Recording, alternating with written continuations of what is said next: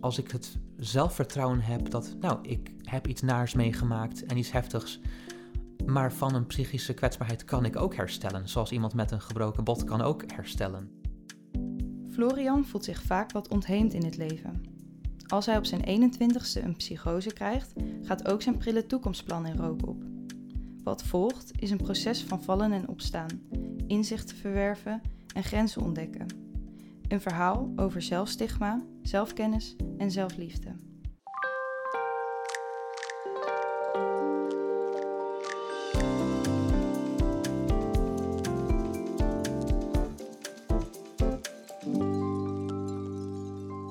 Welkom Florian. Wat fijn dat je met ons in gesprek wil vandaag uh, over je ervaringen die je met psychose hebt gehad. Um, je vertelde dat je eigenlijk al op jonge leeftijd niet lekker in je vel zat. Kan ja. je daar wat meer over uitweiden? Ja, nou, ik heb in mijn jeugd heel veel rondgereisd. En ik had altijd een gevoel van dat ik nergens thuis hoorde dat ik niet wist uh, waar mijn echte uh, thuisbasis was. Omdat ik heel veel heb, uh, met mijn ouders heb meegereisd. Dus naar Azië, in Duitsland, in Afrika. Dus ik heb eigenlijk, um, ja, tot mijn twaalfde heb ik hier en daar over de wereld gewoond. En, Want het was niet alleen voor vakantie, maar echt voor langere periodes. Klopt, en eigenlijk naar Nederland gaan was mijn vakantie. Dus het was eigenlijk een beetje een om, omgekeerde wereld. En je voelde je daar nou niet helemaal senang bij?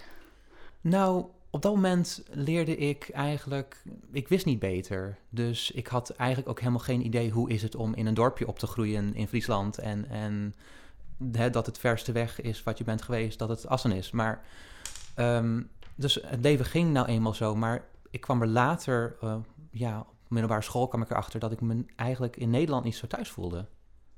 En had je ook al jong uh, last van angst bijvoorbeeld of van somberheid? Ik weet nog wel dat ik in de, op de basisschool, ik was een jaartje of acht denk ik, um, dat ik wel een heel, heel gezellig klasje hadden.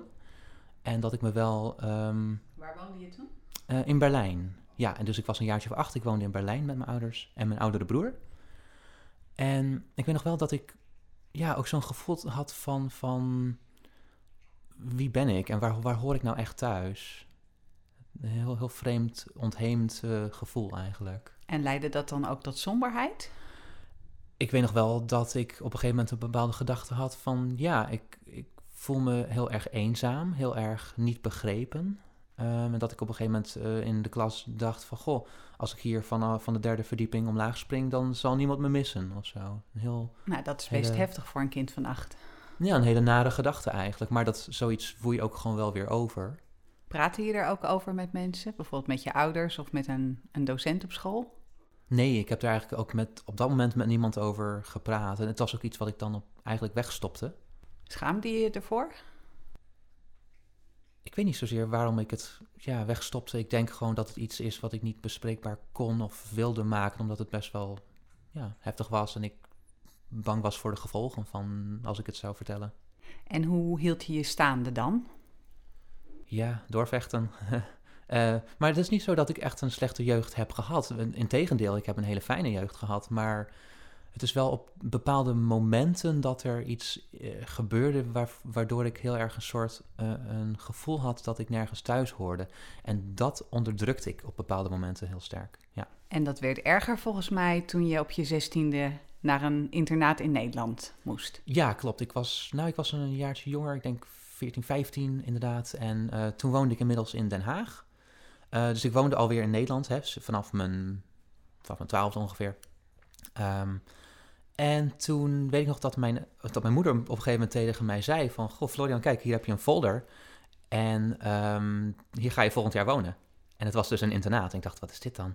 En, en dus uh, dat is dus een, een plek voor uh, mensen van wie de, de ouders in het buitenland wonen, voor, vaak voor werkdoeleinden. Dus mijn ouders waren um, diplomaten. Uh, dus maar ze hadden niet met jou overlegd dat jij naar dat internaat nou, zou gaan? Ja, dat, dat was het, het overleg eigenlijk. Het, het, moest gewoon gebeuren, want ik kon dus niet mee. En zij gingen verhuizen naar Jamaica. Dus daar zijn, de middelbare scholen waren daar op dat moment gewoon niet uh, goed genoeg om een, een goed erkend uh, diploma te halen. En hoe was dat, op, om daar op dat internaat terecht te komen? heel gemengd, heel dubbel. ik heb heel erg intens genoten van eh, vrienden maken. Omdat ik natuurlijk ook vanaf jonge leeftijd heb geleerd om makkelijk vrienden te maken. Omdat ik zoveel moest rondreizen. Dus het kwam als een hele eh, second nature om uh, heel, heel snel nieuwe mensen te leren kennen. Maar ehm, de andere kant daarvan was dus ook dat ik eigenlijk in een plek terecht kwam waar ik dacht, ja, ik mis mijn ouders heel erg, ik ben aan het puberen, ik weet niet wie ik ben, ik ben heel erg op zoek nog steeds. en juist op zo'n hele moeilijke fase had ik heel erg heimwee. En toen weet ik nog dat ik heel veel belde, long distance international calls naar Jamaica. En dat, uh, ja, dat, dat, dat ik ook wel in gesprek ging met mensen, uh, de begeleiders daar ook over. Goh, wat gaat er nou in je om? En werd je ook gepest op school? Nou, op school niet zozeer, maar ik weet wel dat ik ja, me heel onzeker voelde op dat moment. En natuurlijk, een tiener is ook gewoon onzeker in die, op die leeftijd. Maar ik weet niet of ik het dan meer had dan een gemiddelde Nederlander die naar een Nederlandse basisschool zou gaan. Want die, die leert van jongs af aan al, op die leeftijd ga je, op je achttiende ga je studeren. En zo ziet je levensloop er een beetje uit. En bij mij had ik dat niet. Dus de regels, het, boekje, het regelboekje was niet geschreven voor mij. En daardoor werd je wel onzekerder, angstiger? Of was dat veel op mee? Uh, nou, ik denk dat het wel uh, leidde tot um, extra onzekerheid. En, en inderdaad, uh, het werd echt een, een neerwaartse spiraal waar ik in terecht kwam op mijn, op mijn veertiende, vijftiende. Ja, dat ik echt heel depressieve gevoelens had en heel somber en er eigenlijk met niemand erover praten. Dus ook geen hulp gezocht daarvoor? Niet, niet direct hulp gezocht, maar wel uh, uiteindelijk natuurlijk omdat ik heel veel belde naar het buitenland en dat er wel mensen, dat het de aandacht trok van hé, hey, wat is hier eigenlijk aan de hand? Maar je hebt niet uh, therapie gehad, bijvoorbeeld, in die periode? Nee, op die leeftijd niet. Nee. nee. En na die uh, middelbare school ben je gaan studeren in Groningen. Wat ben je gaan studeren? Ik ben toen, oh, ik heb heel veel studies gedaan. Mijn eerste studie was uh, technische bedrijfskunde. Ik, Waarom koos je daarvoor? Nou, want ik dacht, ik ben internationaal uh, iemand, maar, um, maar dat was toen niet, niet de eerste studie, dat was mijn tweede studie. Dat was International Economics and Business. Nou, drie keer raden waarom, omdat het, het Engelstalige erin voorkwam. Maar dat eerste was, ja, ik ben technisch, ik ben een man, dus ik weet niet, ik dacht er niet heel, heel veel over na eigenlijk. Het was best wel vanzelfsprekend dat ik uh, naar Groningen zou gaan. En hoe was het studentenleven daar? Um, ja, dat ik weet nog dat ik me ook niet zo heel erg thuis voelde in het hele Nederlandse studentenleven. Ik weet nog dat mijn moeder op een gegeven moment tegen me zei van waarom ga je niet naar een studentenvereniging? En dat ik eigenlijk zei, maar ja, maar ik heb, ik heb niks met al die Nederlanders. Ik weet dan letterlijk dat ik dat zo zei. Terwijl, ja, terwijl nu jaren later is dat heel, heel erg anders, omdat ik wat meer ben gesetteld. En gaandeweg, toen je aan het studeren was, ja, zakte je eigenlijk verder in die depressie weg, klopt dat? Nou, het begon eigenlijk met toen ik um, op de universiteit was. Ik was een jaartje of um, ja, 18, 19 en ik was heel erg veel aan het gamen. Dus ik kan ook wel heel duidelijk zeggen dat ik een gameverslaving had uh, hierbij. En wat speelde je? Uh, World of Warcraft. Echt een, een, ja, een spel, ik denk wat heel veel mensen op die, in die tijd ook speelden. Rond online? 2005. Ja, online. En dus het voordeel ervan was dat, dat ik gewoon mijn sociale contacten eigenlijk online had. Dus ook, ook kennissen van over de hele wereld waar ik gewoon mee kon spelen. Als, en het voelde alsof we gewoon in dezelfde kamer met elkaar zaten. En dat was gewoon natuurlijk het hele het mooie ervan. En het, het, wat ook zo goed eraan voelt. Maar het, het wordt verslavend. En, en hoeveel uur speelde je dan? Nou ja, dag? met als gevolg dat ik tot diep in de nacht, echt tot zes uur s ochtends kon doorspelen. En dan sliep ik tot twee uur s middags uit. En, en gewoon weken aaneengesloten. Dus ook niet meer naar colleges. En eigenlijk, daar zie ik al een beetje het contact met de werkelijkheid een beetje begint kwijt te raken. Ja. Het dagelijks leven. Dus dat was eigenlijk de aanloop naar een crisis. Die kwam toen je 21 was? Klopt, ja. En was daar toen een concrete aanleiding dat het echt misging? Nou, in die tijd was ik wel ook aan het, het blowen geslagen. Dus ik uh, was uh, um, ja, wiet gaan roken.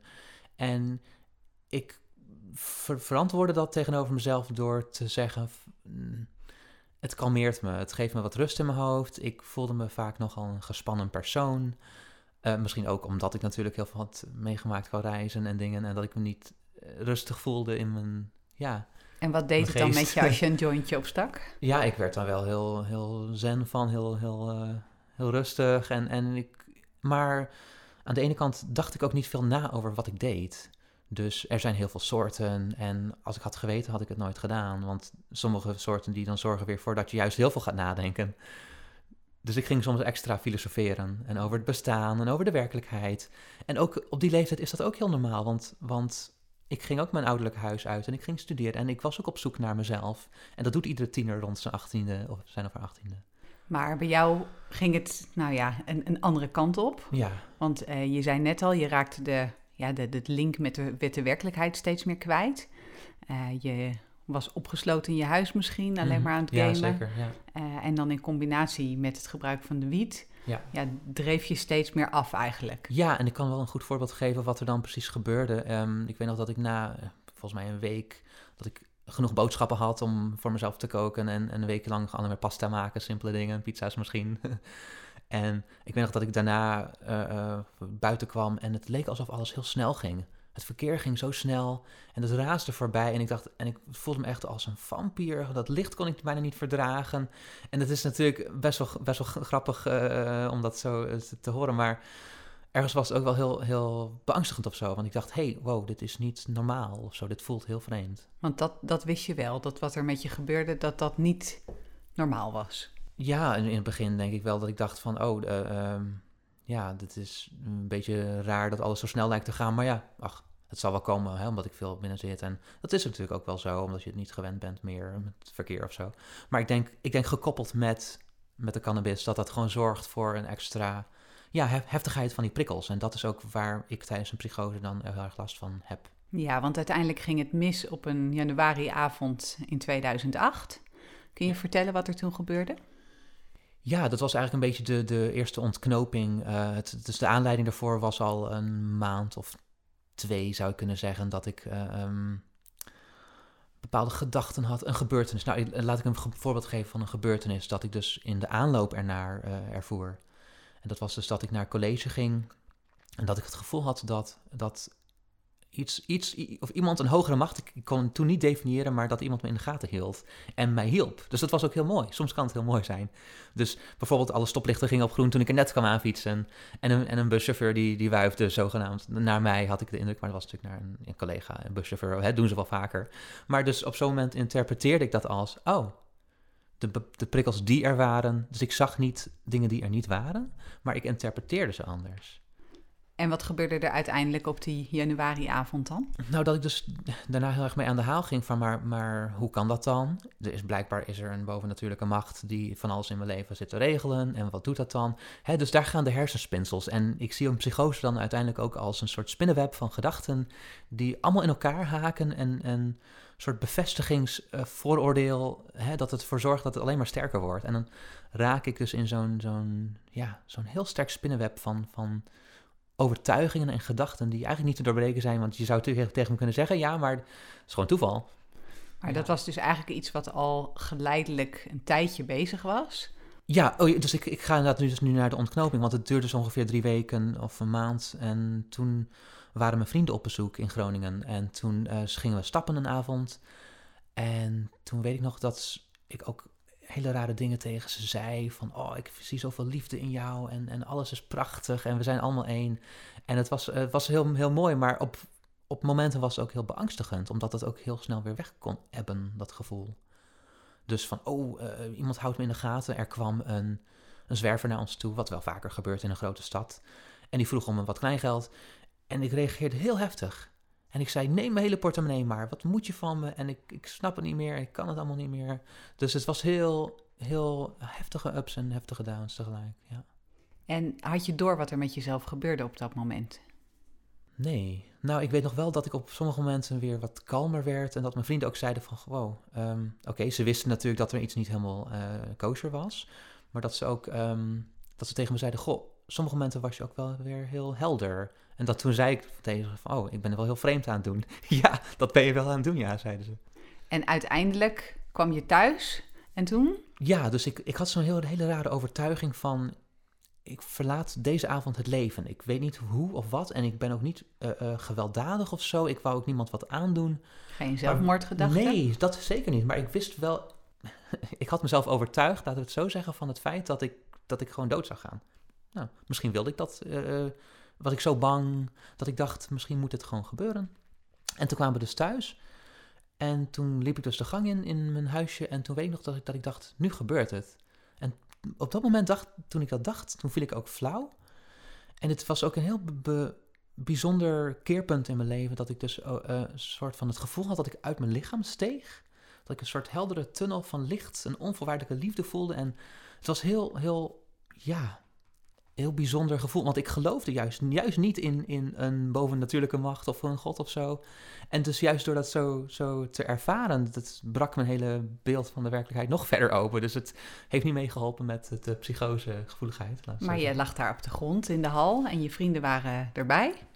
Die schrokken waarschijnlijk heel erg. Ja, absoluut. En die hebben toen ook eh, mij in bed gelegd en ook gelijk mijn ouders gebeld. En toen wisten ze ook van, oké, hier moeten we echt nu iets gelijk iets mee doen. Het, hij is niet zomaar een beetje in de war, maar dit eh, gaat eh, veel heftiger. Zijn je ouders gekomen toen? Ja, dus dit was zeg maar midden in de nacht, een uurtje of één, twee s'nachts. En toen hebben ze gelijk gebeld. Mijn ouders natuurlijk ook best wel van slag. En, en die wilden ook gelijk dat mijn vrienden vertrokken. Van, de, beschuldigden hun ook van hè, dat ze mij iets eh, hadden aangepraat of zo, drugs of whatever. En we hadden natuurlijk ook wel, ik had ook wel iets gerookt, dus ja. Maar dat was mijn eigen keuze geweest. Maar op dat moment kon ik dat natuurlijk niet verwoorden. En ze kwamen dus die ochtend, eh, kwamen ze gelijk om ja, een uurtje of acht was het. eh, en de huisarts kwam er ook bij, op huisbezoek gelijk. En die constateerde toch ook echt van, ja, het is maar beter als je naar de psychiatrie gaat. En, en vond je dat zelf ook een goed idee? Nou, op dat moment was ik helemaal niet meer helder. Ik weet nog... Dus je ging wel mee. Ik ging wel mee, ja. Ik dacht, ja, ik weet niet wat er allemaal gebeurt. En, en ik was zo ver weg eigenlijk van de werkelijkheid met mijn gedachten... dat ik eh, niet wist wat er allemaal aan de hand was. Bij wijze van spreken kon ik zo op een andere planeet zijn in, mijn- in mijn hoofd, ja. Toen kwam je op de afdeling psychiatrie van het eh, UMCG in Groningen. En wat zeiden ze daar? Ehm, nou, daar zeiden ze eigenlijk... Nou, ze hadden eerst een intake met me, dus ze wilden weten... eh, ja, wat, wat zijn je klachten eigenlijk? En ze konden ook wel zien dat ik, dat ik gelijk een opname nodig had. Dus dat was ook, was ook wel heel goed hoor, uiteindelijk. Ehm, het was veel beter dat ik daar was opgenomen... dan dat ik thuis eh, was gebleven op dat moment. Hoe zagen de dagen daaruit daar? Eh, heftig. Heftige schommelingen, stemmingswisselingen... ehm, Je kreeg medicijnen, denk ik. Ik kreeg inderdaad de medicijnen. En dat was ook nog het heftigste, want die waren best wel ingrijpend. Die zorgden ervoor dat ik heel, heel veel sliep. Dat ik heel veel at. Eh, en ik zie het misschien ook ergens als een kopingsmechanisme, omdat de werkelijkheid was gewoon heel beangstigend. Door, dus om dat te ontvluchten, probeerde ik ook heel veel gewoon, ja, bewusteloos te zijn, veel te slapen. Want je had nog steeds van. van die ehm, ja, andere interpretatie van de werkelijkheid toen je daar was. Ja, ik weet nog wel dat op een gegeven moment kwam een auto heel hard aanrijden. En toen eh, in het parkeerterrein erachter. En dat zag ik vanuit mijn kamertje. En toen dacht ik van, oh jee, nou, het is een reden waarom die komt, zo hard komt aanrijden. Want er zit een bom in of zo. Dus, dus zo'n gedachte ging dan in me, in me om. En toen had ik natuurlijk hele, ja, had ik eigenlijk een hele tweeledige gedachte van de e- het ene deel van mij zei wegrennen, want er is een bom, levensgevaar. Een ander deel in me zei, maar als ik dat doe, dan bevestig ik juist het feit dat het zo is. En dan gebeurt het dus juist. Dus als ik rustig blijf, dan gebeurt het niet. Dus je had ook Hele nog een rationeel deel Een ergens. hele rare overtuiging, ja zeker. Maar het was dus een, een, een soort gevecht van het rationele met het irrationele. Ja. Eh, en je kreeg ook gesprekken, denk ik, met therapeuten. Nee, dat was, nou, op, op dat moment was ik daar ook nog niet aan toe. En als iemand eh, zo in een heftige psychose zit, en toen ik dat zo ook zat, was ik er ook gewoon niet, nog niet klaar voor. Maar dat heeft jaren eigenlijk geduurd voordat iemand zei, heb je zin in een gesprek? En dat had eerder gekund, naar mijn gevoel. Jaren. Ja, eigenlijk wel jaren. Ja. Dus op die afdeling waar je zat, want je hebt daar best een tijd gezeten, Eh, toch? Uiteindelijk heb ik twee maanden eh, op, een, op een gesloten afdeling gezeten en toen nog, nog eh, drie, vier maanden op een open afdeling. Dat wil zeggen dat je ook zo op eigen houtje gewoon naar buiten kunt wandelen en zo. Maar goed, dat is toch een hele tijd. dat was, ja, dat is een half jaar in totaal. En in die tijd heb je dus niet echt behandeling gekregen, anders dan medicijnen. Nou, jawel, want ik kreeg wel een, een SPV toegewezen. Dat is een sociaal-psychiatrisch verpleegkundige. Dus iemand die een gesprekspartner is.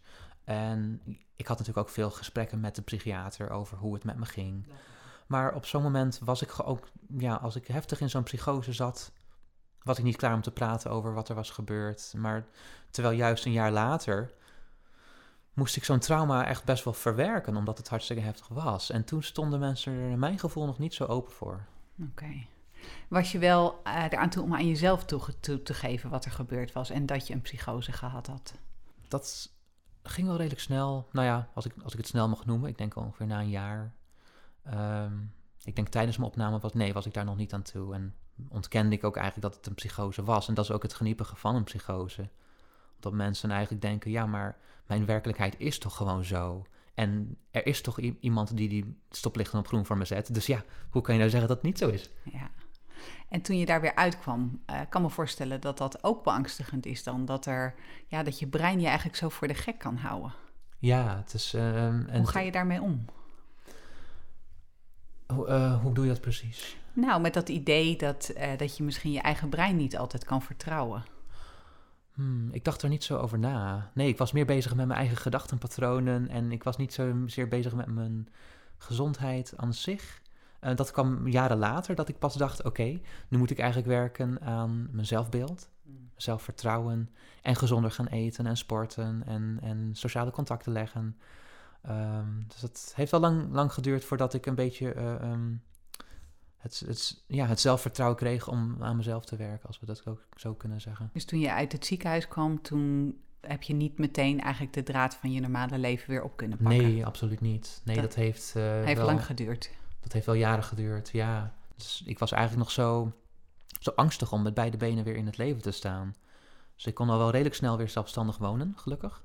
En dat heeft me ook heel veel goed gedaan. Ik denk ook dat, ik denk ook dat zo'n opname juist een, een voorbeeld was van weer ont ontheemd voelen. Dus geen thuisbasis hebben, geen huis hebben waar jij jezelf mag zijn. Uh, dus het heeft me heel veel goed gedaan om redelijk snel weer thuis te kunnen wonen. En die jaren daarna, hoe, hoe, ja, wat, hoe heb je die gevuld dan? Veel vrijwilligerswerk gedaan, ja. Uh, dus uh, wel, daginvulling is heel belangrijk. En zeker als ik nodig had, was heel veel structuur, dagindeling, goed slapen, gezond eten. En ja, na een psychose is gewoon het belangrijkste wat ik kon doen op dat moment, was gewoon het huishouden doen, voor mezelf zorgen, zelf compassie kweken. En dat begon eigenlijk pas toen ik met een psycholoog uh, ging praten. Ja. En dat was dus pas na een paar jaar? Dat was in 2015, 16. Dus dat was. Echt flink later. Dat was een stuk later, ja. ja. Dus ik heb eigenlijk, een, zeg maar, sinds 2008 tot 2015 heb ik veel vrijwilligerswerk gedaan, baantjes hier en daar ook wel een fulltime baan gehad. En dat kwam uh, meer uit, uh, uit zelfstigma, omdat ik dacht, hè, ik, uh, ik, ja, ik wil me weer voor volwaardig mens voelen. En ik wil weer op dat levenspad komen waar ik voel dat ik niet heb gefaald op een of andere manier. Want was dat een belangrijk, een belangrijk issue voor jou, dat je je nooit goed genoeg voelde? Ja, ik denk misschien ook wel vanuit mijn jeugd al een beetje ingeprent. Maar ook natuurlijk na zo'n heftige psychose, dat mijn hele leven stond op de kop. Dus mijn hele levensplan ook. Ik ga studeren, ik krijg een baan, ik krijg een gezin. Dat viel allemaal in, in, uh, in het water. En toen had ik misschien zo'n gevoel van... ik wil me weer volwaardig mens voelen. Alsof ik dat niet meer was natuurlijk. Heel raar gedachte. Maar ja, dat zijn van die, van die stigma's die ik over mezelf ging geloven. Die niet eens zozeer vanuit de maatschappij werden ingepraat... maar die heel natuurlijk kwamen, denk ik. En daar hoorde dan in dat, dat plaatje hoorde ook dat je een gewone baan, fulltijdbaan moest hebben. Exact. En Want ik dacht, dan functioneerde je als normale jongen.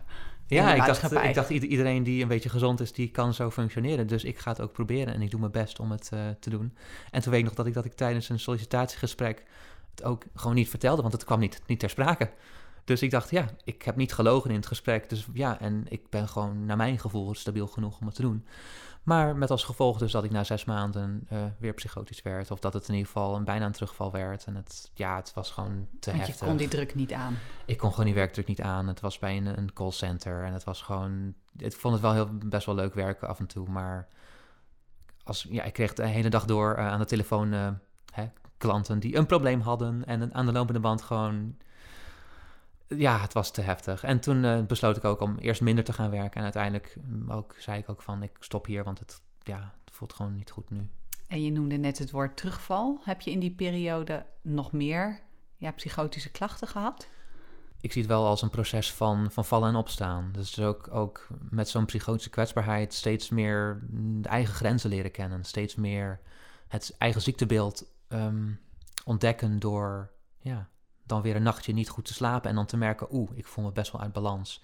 En dat voelt gewoon, ja, weer misschien angstgedachten of overtuigingen die een beetje terugkomen, die ja, niet gezond voelen. Dan denk ik, oké, voordat het verder afglijdt, hoe zorg ik nu dat ik eh, stabiel blijf? Nou, en één daarvan is natuurlijk eh, praten met de artsen, en praten met de contactpersonen. En medicatie blijven nemen is echt de eerste vang, vangnet.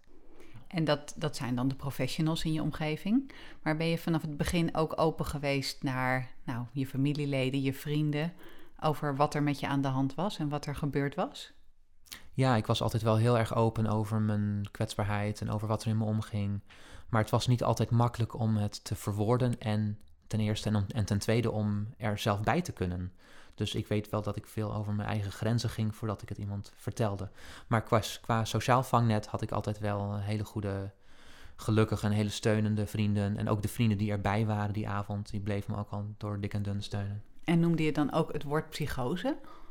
Um, God, dat is wel grappig. Ja, nou, ik durfde het de hele tijd niet te, hè, toe te geven dat het een psychose was. Maar uh, uiteindelijk heb ik het wel, ja, heb ik wel geaccepteerd dat het dat was. En ik zie maar eerst naar jezelf en, en daarna durfde je het ook naar je vrienden uit te spreken. Klopt, ja, ja, ja. En hadden die dan een idee van wat er met je gebeurde? Want um, ja, een psychose is voor heel veel mensen natuurlijk enorm ongrijpbaar. Uh, en ook iets engs, denk ik. Mm -hmm. En toen wordt al heel snel een link gelegd met verwarde mensen die beangstigende dingen doen. Kreeg je die reactie ook? Nee, Nee, die, reactie heb ik gelukkig nooit van anderen gehad. En daar ben ik ook uh, ja, misschien wel heel, heel, um, heb ik heel veel geluk mee gehad. Want er zijn genoeg mensen die met andere mensen wel veel stigma uh, te maken krijgen. Uh, maar dus vooral in mijn werk heb ik te maken gehad met, nou ja, mijn eigen valkuil. Dat ik het gewoon ja, niet op tijd vertelde. Dus mijn tip hierin zou ook zijn, als je gaat solliciteren, wees gewoon echt heel eerlijk over hoe je kwetsbaarheid eruit ziet. Want dan kunnen ze er rekening mee houden. En als ze dat bij mij hadden gedaan, was het misschien gewoon goed blijven gaan. Maar had je die baan dan gekregen? Dat, ja, dat is ook de goede vraag. En ik wilde heel graag die baan om mezelf te bewijzen. Dus dat Precies. was het dubbele, ja. Ja.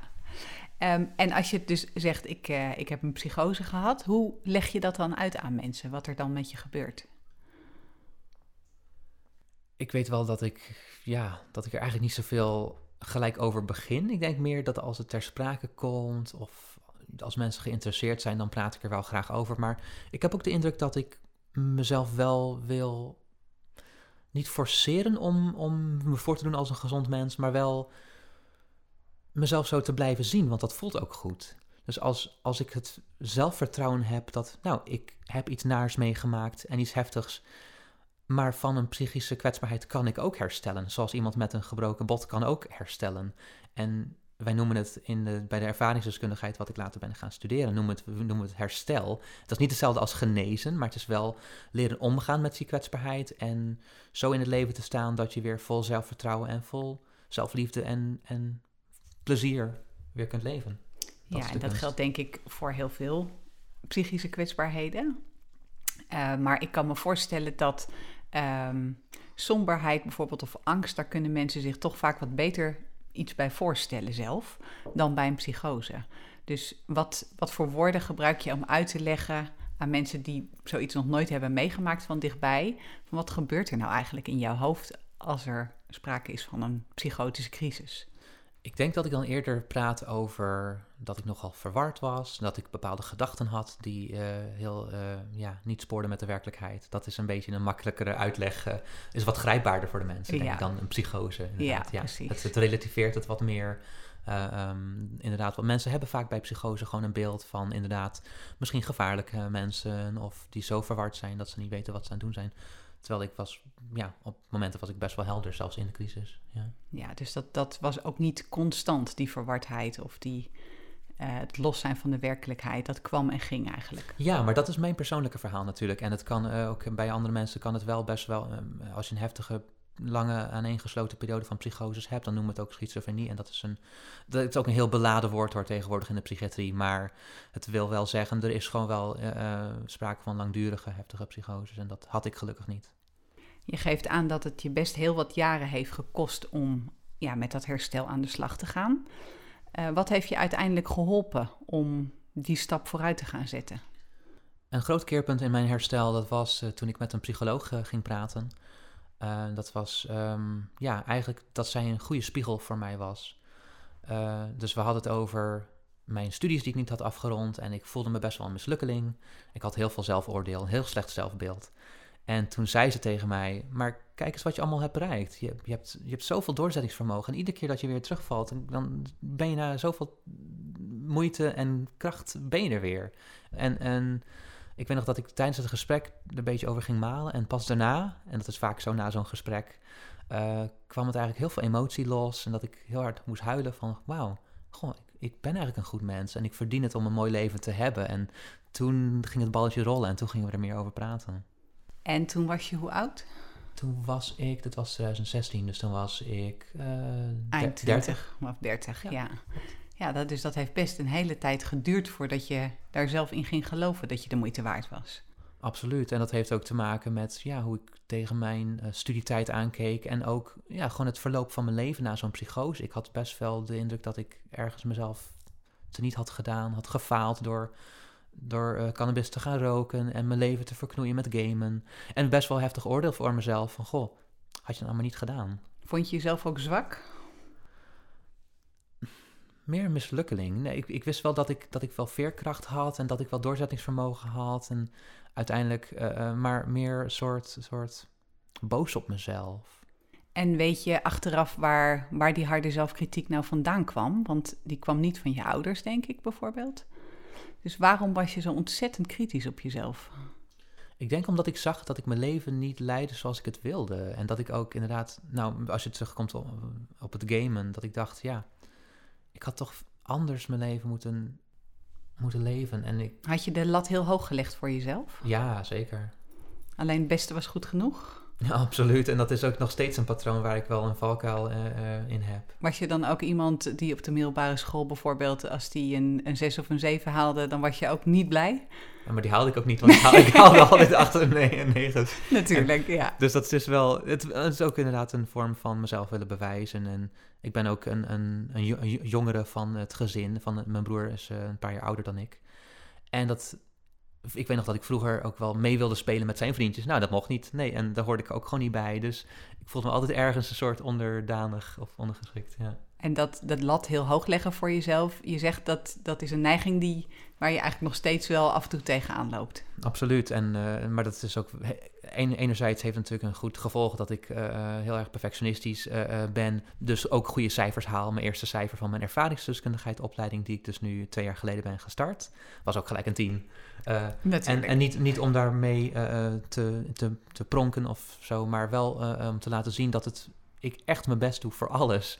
En wat er dus ook gebeurde uiteindelijk was dat ik vorig jaar weer in een psychose uh, schoot, helaas. En, en dat kwam dus mede ook doordat ik uh, ja, weer heel erg hard mezelf voorbij liep door alles. En te veel druk op jezelf zetten. Alles heel goed te willen doen en heel veel druk op mezelf te leggen, ja.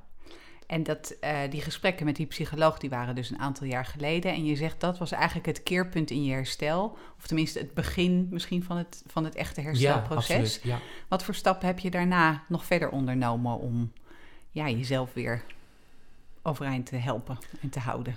Ik weet nog wel dat ik meer bezig ging met mezelf. Uh, met, met hoe ik in het leven sta. Dat ik meer stil ging staan bij... oké, het, het ging even niet zo lekker, maar ik kreeg weer hoop even een, een vonkje van hoop dat, het, dat er weer een positieve spiraal kon ontstaan. En dat gebeurde dus ook.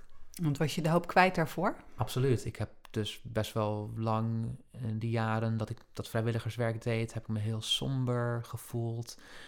Ik durf het. Mensen vragen me wel eens: heb je dan een depressie gehad? En ik, ik weet niet of ik dat kan noemen, maar mm, ja, ik denk het wel. Achteraf gezien is het vast wel een depressie geweest. Maar ik ging wel elke dag gewoon naar mijn werk en ik functioneerde wel goed. En ik was ook wel vrolijk soms. Maar overwegend was ik best wel verdrietig en eenzaam. En ja, had ik een groot zelfoordeel. En dacht je ook aan een einde maken aan het leven? Nee, ik heb daar niet zo, zo vaak heftig stil bij gestaan dat ik dacht van nu, nu ga ik dat doen. Maar ik heb wel eens uh, ja, zo heftig in de crisis gezeten dat ik dacht nu moet er iets veranderen, anders wil ik niet doorleven. Dat is, is wel zo, ja. En op die momenten, wat, wat hielp je dan verder? Oeh, ik heb toen uiteindelijk midden in de nacht ook iemand gebeld. Gelukkig, want ja, want ik was best wel wanhopig, gewoon in mijn chaos in mijn hoofd. En ik moest even iemand erover praten. En ik wist dat die persoon er ook wel uh, een soort, uh, ja, uh, het kon begrijpen. Het was een klasgenote van me. maar dat was vrij recent nog? Dat was dus heel recent. Dat was ja. dus november jongsleden. Ja. ja, want je hebt nou ja, hele goede stappen vooruit gezet de afgelopen jaren. Maar een aantal maanden geleden heb je dus toch weer een terugval gehad. Ja, dat klopt. Ja. En wat gebeurde er toen? Ja, ik weet nog dat ik in september dus begon mijn tweede studiejaar. En ik weet nog dat ik eh, in de eerste college in de studiezaal zat. En dat het volumeknop eh, in mijn oren zat gewoon op 300% Dus ik weet nog dat alles keihard binnenkwam. En dat is al eigenlijk een voorteken van misschien een psychose. Eh, Dus het filter ja, gaat uit eigenlijk. ja, en, en alles in me, een soort intuïtief gevoel, schreeuwde uit van, van stop. Zet even de rem op de studie. Gewoon even een, een tandje lager. Je moet gewoon even st- alles stopzetten. Maar, Maar dat, deed ik niet. Want ja, met mijn eh, perfectionisme dacht ik, ja, maar ach, ik red me wel en ik trek me er wel doorheen. Maar terwijl ik echt een sterk gevoel had van, ik trek het niet. Dus, dus ik ben die collegezaal toen ook, ook een soort in een rare wanhopige bui eh, huilend uitgevlucht. En ik zei tegen de docent van, ik moet nu hier weg. En ja, heel confronterend. En ik eh, kreeg toen ook heel veel steun van mijn klasgenoten. Want die, die zagen dat ook gebeuren. En die, wisten die weten ook hoe het is om psychische kwetsbaarheid te hebben. Omdat elke hè, eh, opleiding eh, ervaringsdeskundigheid, student, die eh moet ook kwetsbaarheid. Die heeft ook een achtergrond en die is er ook mee bezig. Dus ja. Maar goed, je bent dus eh, toen toch doorgegaan. Ondanks dat je eigenlijk ergens wel in je achterhoofd voelde dat dat een slecht idee was. Ja. En toen? Ja, en toen kwam het dus eh, ja, eigenlijk weer tot het eh, punt dat ik mezelf weer zo voorbij liep, dat het weer tot een ontknoping kwam. Ja, op een gegeven moment dan knapt er gewoon iets eigenlijk. En ik weet nog dat ik het, het, En hoe zag dat er dan uit op dat moment dat het knapte? het was, was dat ik, ehm, was ook midden in de nacht eigenlijk weer. En misschien is dat een moment van reflectie of zo. Ehm, maar dat ik eigenlijk heel erg bewust ging stilstaan bij emoties die ik heel erg had onderdrukt. En dus met name ook na zo'n eh, ehm, verlies van een toekomstperspectief na al die jaren en de depressie. En er was heel veel wat niet verwerkt was. Heel veel emoties die onder de oppervlakte lagen, waar ik niet bij kon. Waar op dat moment eigenlijk na, ook na zo'n zo'n ervaring in zo'n collegezaal en gewoon het gevoel hebben van ik moet nu hier iets mee, dat het ook die emoties eh, heftiger tevoorschijn ineens kwamen. Dus ik moest heel erg huilen en ik kon echt, ik weet nog dat ik gewoon twee uur lang alleen maar kon huilen. En raakte je daar dan dus ook psychisch weer van in de war? Ja, zeker. Ja. En dus ik weet nog ook dat ik, dat ik hele rare gedachten had. Dus, en eh, onder andere, dus het kwam ook weer terug op mijn eh, eerste psychose. En dan met name die ervaring die ik dus had gehad, die zo heftig was, dat ik uit mijn lichaam trede en dat, dat hele liefdevolle licht voelde. En ik had dus nu ook het gevoel van, dit leven is niet meer te redden of zo. Het is niet leuk, eh, ik trek het niet meer allemaal. Misschien kan ik wel gewoon uit mijn lichaam, misschien kan ik wel gewoon weg hier. En dat is natuurlijk een hele rare gedachte, want het, ja, je bent niet voor niets eh, gewoon hier en je doet de dingen die je doet. En, maar ergens, dus het was niet een, een suicidaliteit aan zich dat ik voor een trein wilde springen, maar wel dat ik dacht, ik, dit leven dat ik nu heb, hoeft niet meer van mij, ik begin iets nieuws of zo. En toen? Ja, en, en toen met die gedachte in mijn hoofd, eh, toen ik, eh, ik sliep in een hoogslaper, ongeveer 2,5 meter hoog, dus was vrij hoog. En toen in zo'n waas rolde ik mijn bed uit. Ik weet niet of ik het heel bewust deed, maar ik viel gewoon uit bed. Dus een flinke klap gemaakt eh, op, op mijn achterhoofd. En mijn huisgenoot, eh, die, ik, eh, ja, ik rende zijn kamer binnen, help, help. Hij, hij wist natuurlijk ook helemaal niet wat er aan de hand was, dus hij schrok zich kapot. En ehm, dus toen is ook de ambulance gelijk gekomen en dus ook weer uit- uiteindelijk gelukkig maar één nachtje in de psychiatrie weer opgenomen geweest. En waarom kon je deze keer wel snel naar huis?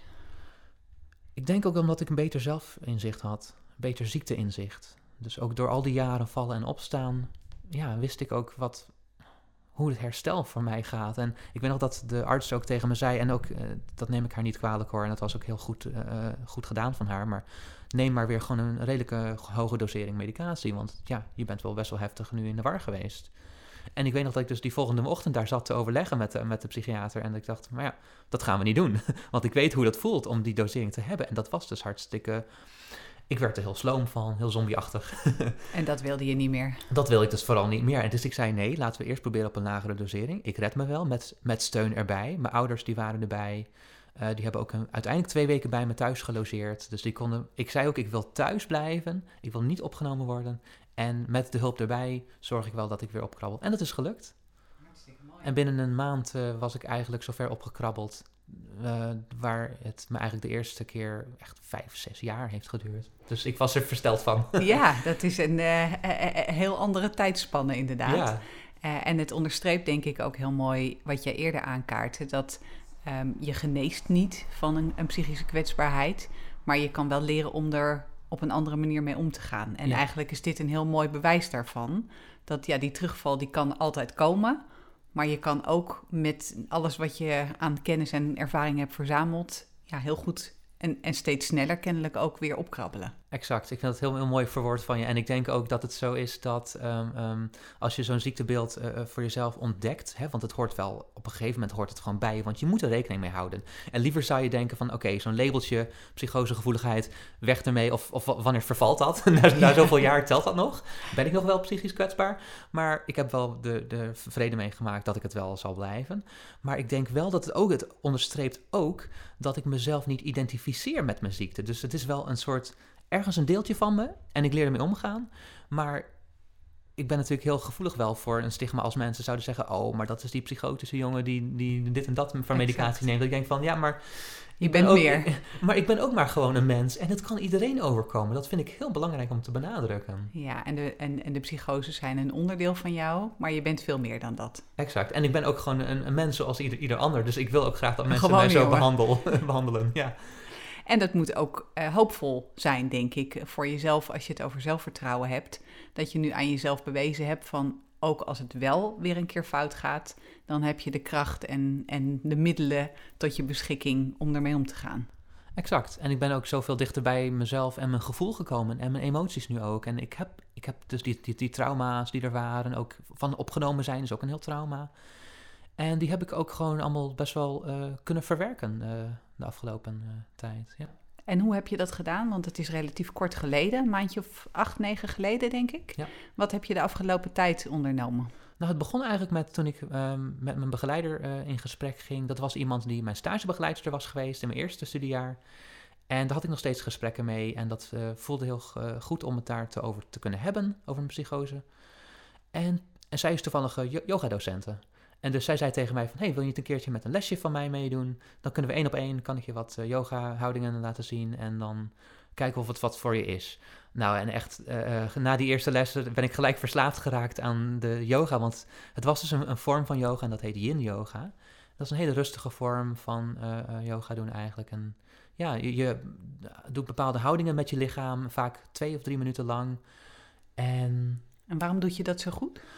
Omdat dus voor mij een psychose eigenlijk een, een hè, zoals ik al zei, dat ik heel erg in mijn hoofd zit met mijn gedachten. En dit is een vorm van even niet nadenken. Even zoveel bezig zijn met het lichaam, dat die gedachten zo weg zijn dat het ze niet meer, ze doen er niet meer toe. Dus mindfulness is nog een, een techniek die er eigenlijk heel goed bij, bij werkt. Dat je dus hè, aandachtig bent met wat zijn mijn gedachten op dit moment. En dat je er ook niet mee identificeert. Dus dat je zo ook een soort van. Dat je weer meer in het hier en nu komt. Dat, en dat is het hele eieren eten, ook met het herstel van een psychose. Voor mij geweest is het gewoon. Doe, wees in het hier en nu en geniet van het leven zoals het nu is. En accepteer mezelf. Dat is zo belangrijk geweest. En, en, Wat ja. zijn voor jou nog meer manieren om jezelf weer naar het hier en nu terug te brengen? Bijvoorbeeld uh, tuinieren. En dan heb ik het echt over de alledaagse dingen. Want als zo'n psychose echt. Uh, een vorm is van veel nadenken, dan is het gewoon. Doe, doe de afwas. uh, maak een wandeling. Ik maak heel veel wandelingen in de natuur. Ik probeer twee keer per dag een half uurtje even in ieder geval naar het park te gaan. En is structuur en regelmaat belangrijk? Hartstikke belangrijk, ja. En sowieso hoe probeer medicatie. je dat uh, in te passen in je leven? Uh, op nou, tijd naar bed? Ik, ik, probeer inderdaad sowieso op tijd naar bed uh, te blijven gaan en goed te slapen. En dat, dat lukt ook niet altijd. Mijn kat maakt me ook soms wel midden in de nacht wakker. En dan moet ik daar dus ook weer mee leren omgaan. En ik heb dus nu ook geleerd om gewoon eerder aan de bel te trekken. Als er iets niet goed gaat en als ik me een beetje wankel voel, vertel het iemand. Wie bel je dan? Nou, ik heb dan nu mijn hulpverleners nog steeds wel. Maar dat is dus nu gewoon de huisarts en uh, de, de praktijkondersteuner die de GGZ-dingen doet. Maar je voelt geen drempel meer om aan de bel te trekken? Nee, nou, misschien nog wel een klein beetje, maar ik denk wel dat die, dat die drempel een stuk lager is geworden. En ik durf nu de hulpmiddelen in te schakelen die er zijn. Dus ook uh, uh, op de studie die ik dan nu weer ga voortzetten in september, ben ik heel blij mee, want het geeft me ook weer veel, uh, veel hoop en toekomstperspectief. Uh, maar daar ook heb ik iemand ingeschakeld die een soort, het heet een aandachtsfunctionaris. En dat is iemand die extra uren heeft om mensen te begeleiden met een kwetsbaarheid. Ja, en dan schaam je je er niet voor om te zeggen, dat heb ik nodig. Nee, nou intussen dus niet meer. Nee. In het begin wel. Hartstikke goed. Ja. En je noemde ook nog mindfulness. Um, volgens mij doe je ook aan meditatie, toch? Klopt, ja. Doe je dat elke dag? Mm, ik heb er niet een heel strenge structuur in voor mezelf, eh, maar ik merk wel dat, eh, ja, dat het me heel goed doet om uh, rustmomenten in mijn dag in te bouwen. En vooral momenten waarop ik even niks doe en even, even stil ben. Ja. En die meditatie en die yoga en die mindfulness, zorgen die er ook voor dat je sneller herkent als je dan in zo'n negatieve spiraal dreigt te belanden? Ja, omdat ik ook aandachtiger ben met wat mijn gedachten zijn. En ik denk dat het heel normaal is uh, dat wij als mensen in een negatieve spiraal zitten en dat we het niet doorhebben soms. En ik heb daar ook heel, heel veel ervaring mee, dus hè, dat ik over mijn grenzen blijf gaan. En om dus nu af en toe bewust even stil te staan bij, oh, wat gaat er in me om? Oh, oeh, ik ben eigenlijk best wel gehaast vandaag. Misschien moet ik toch even dit en dat afzeggen straks. Nou, en dan doe ik dat. Hartstikke goed. Je hebt al een paar keer uh, genoemd dat je ervaringsdeskundigheid studeert. Wat houdt dat in?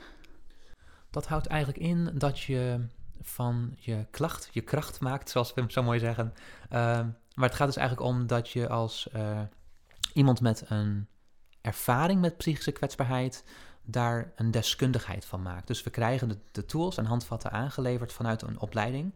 En in dit geval is dat een tweejarige HBO-opleiding. En leren we samen met de vakliteratuur en achtergrondkennis en andere ervaringen van mensen, uh, ja, leren we eigenlijk steeds bekwamer worden in het uh, als een social worker praten als een naaste voor mensen die ook een psychische kwetsbaarheid hebben. En hoe hoop, hoe hoop je die in de toekomst dan te kunnen helpen?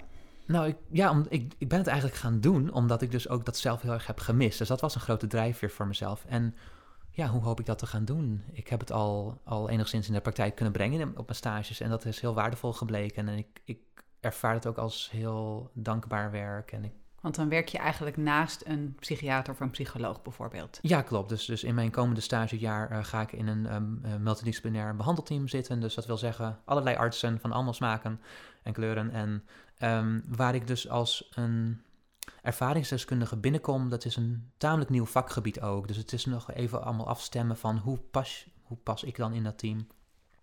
Maar dat ik een aanvulling ben op het team. Uh, maar wel ook dichter bij de cliënt uh, sta, omdat ik ook zelf vaak die ervaring heb meegemaakt en ik vanuit een ander soort blik kan meepraten. Dus het is minder van bovenaf, neem maar wat medicatie en, en doe maar wat je wordt opgedragen. Die cliënt voelt zich vaak heel erg niet begrepen. En dat was in mijn geval ook zo. Dat en heb je zelf ook echt zo ervaren, ja, dat, dat dus, zij ver van je afstonden. Nou, en dat is niet heel, heel bewust, maar als een psychiater gewoon, gewoon boekenkennis heeft, dan is dat empathische gedeelte is gewoon een stuk zwakker. En, dus ik en dat kan je eigenlijk alleen maar bieden als je het zelf ook exact, hebt ervaren. Exact. En, en, en dus als je het zelf hebt ervaren, maar ook dus de deskundigheid op, opgebouwd. Dat is heel belangrijk om te, te beseffen dat niet iedereen met een ervaring kan zomaar leuk gaan praten met iedereen. Want het, het, het is een vak apart. Je moet leren praten met mensen. En je hebt daar al een beetje nou, aan geproefd uh, tijdens een stage, zei je. Hoe was dat om dan met andere mensen te praten die misschien nou ja, nog wel in een psychose zaten of daar net, net weer uit waren? Dat was ook best wel heftig eigenlijk. Ja, ja ook confronterend, denk ik. Absoluut, heel confronterend. En ik ben toen ook stage gaan lopen waar ik toen ook ben opgenomen. Helemaal en voor mij, En voor mij was het dus aan de ene kant dat ik tegen mezelf zei van... wauw, kijk mij eens gaan. Hoe inspirerend ben ik wel niet als ik hier dus nu tien jaar later... op de plek kan zitten van het, aan de andere kant van de stoel uh, als behandelaar. Maar uh, anderzijds kwamen dus heel veel trauma's weer ook omhoog... door daar überhaupt weer te zijn. En waar ik dus niet het gevoel bij kon voelen toen. Maar het gaf waarschijnlijk ook veel voldoening dat je mensen in nou ja, een beetje een vergelijkbare situatie ook verder kan helpen. Absoluut. En ik zag ook dat ze er heel veel aan hadden en dat ze er ook heel veel erkenning en herkenning in vonden. En ja, dat ze ook na zo'n gesprek weer een beetje met hun eigen proces bezig gingen. Dus het is niet zozeer dat wij echt iets voor hun kunnen oplossen, maar het is wel een spiegel kunnen zijn. Goh, nou, ik weet hoe het is om het zo te ervaren en ik, ik sta naast je en ik, hè, ik, ik, ik hoor je. Dat is heel belangrijk. En om dan te kunnen zeggen van, goh, nou, dit heeft mij heel erg geholpen, maar het wil niet zeggen dat het jou helpt. Maar ga bij jezelf na, uh, wat kan ik nu op dit moment doen om mij steeds een stapje beter te gaan voelen in mijn leven? Ja. Zelfreflectie stimuleren, dat is het. Ben je zelf ook nog steeds beter om stapjes te zetten, bezig om stapjes te zetten om je steeds beter te voelen? Absoluut, ja. Dat heeft dus ook te maken met therapieën voor trauma's en uh, ja, dat ik eindelijk zover ben dat ik denk, goh, ik ben sterk genoeg om daar nu eh, met bepaalde behandelaren gewoon therapeutisch eh, mee aan de slag te gaan. En dat wil ik nu ook. Ja. Maar dat is ook heel hoopgevend, denk ik. Dat je, want inmiddels is het twaalf jaar geleden dat je die eerste crisis had.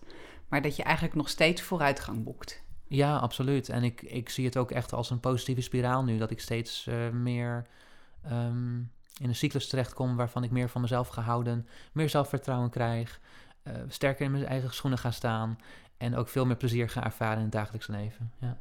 Dankjewel. Graag gedaan.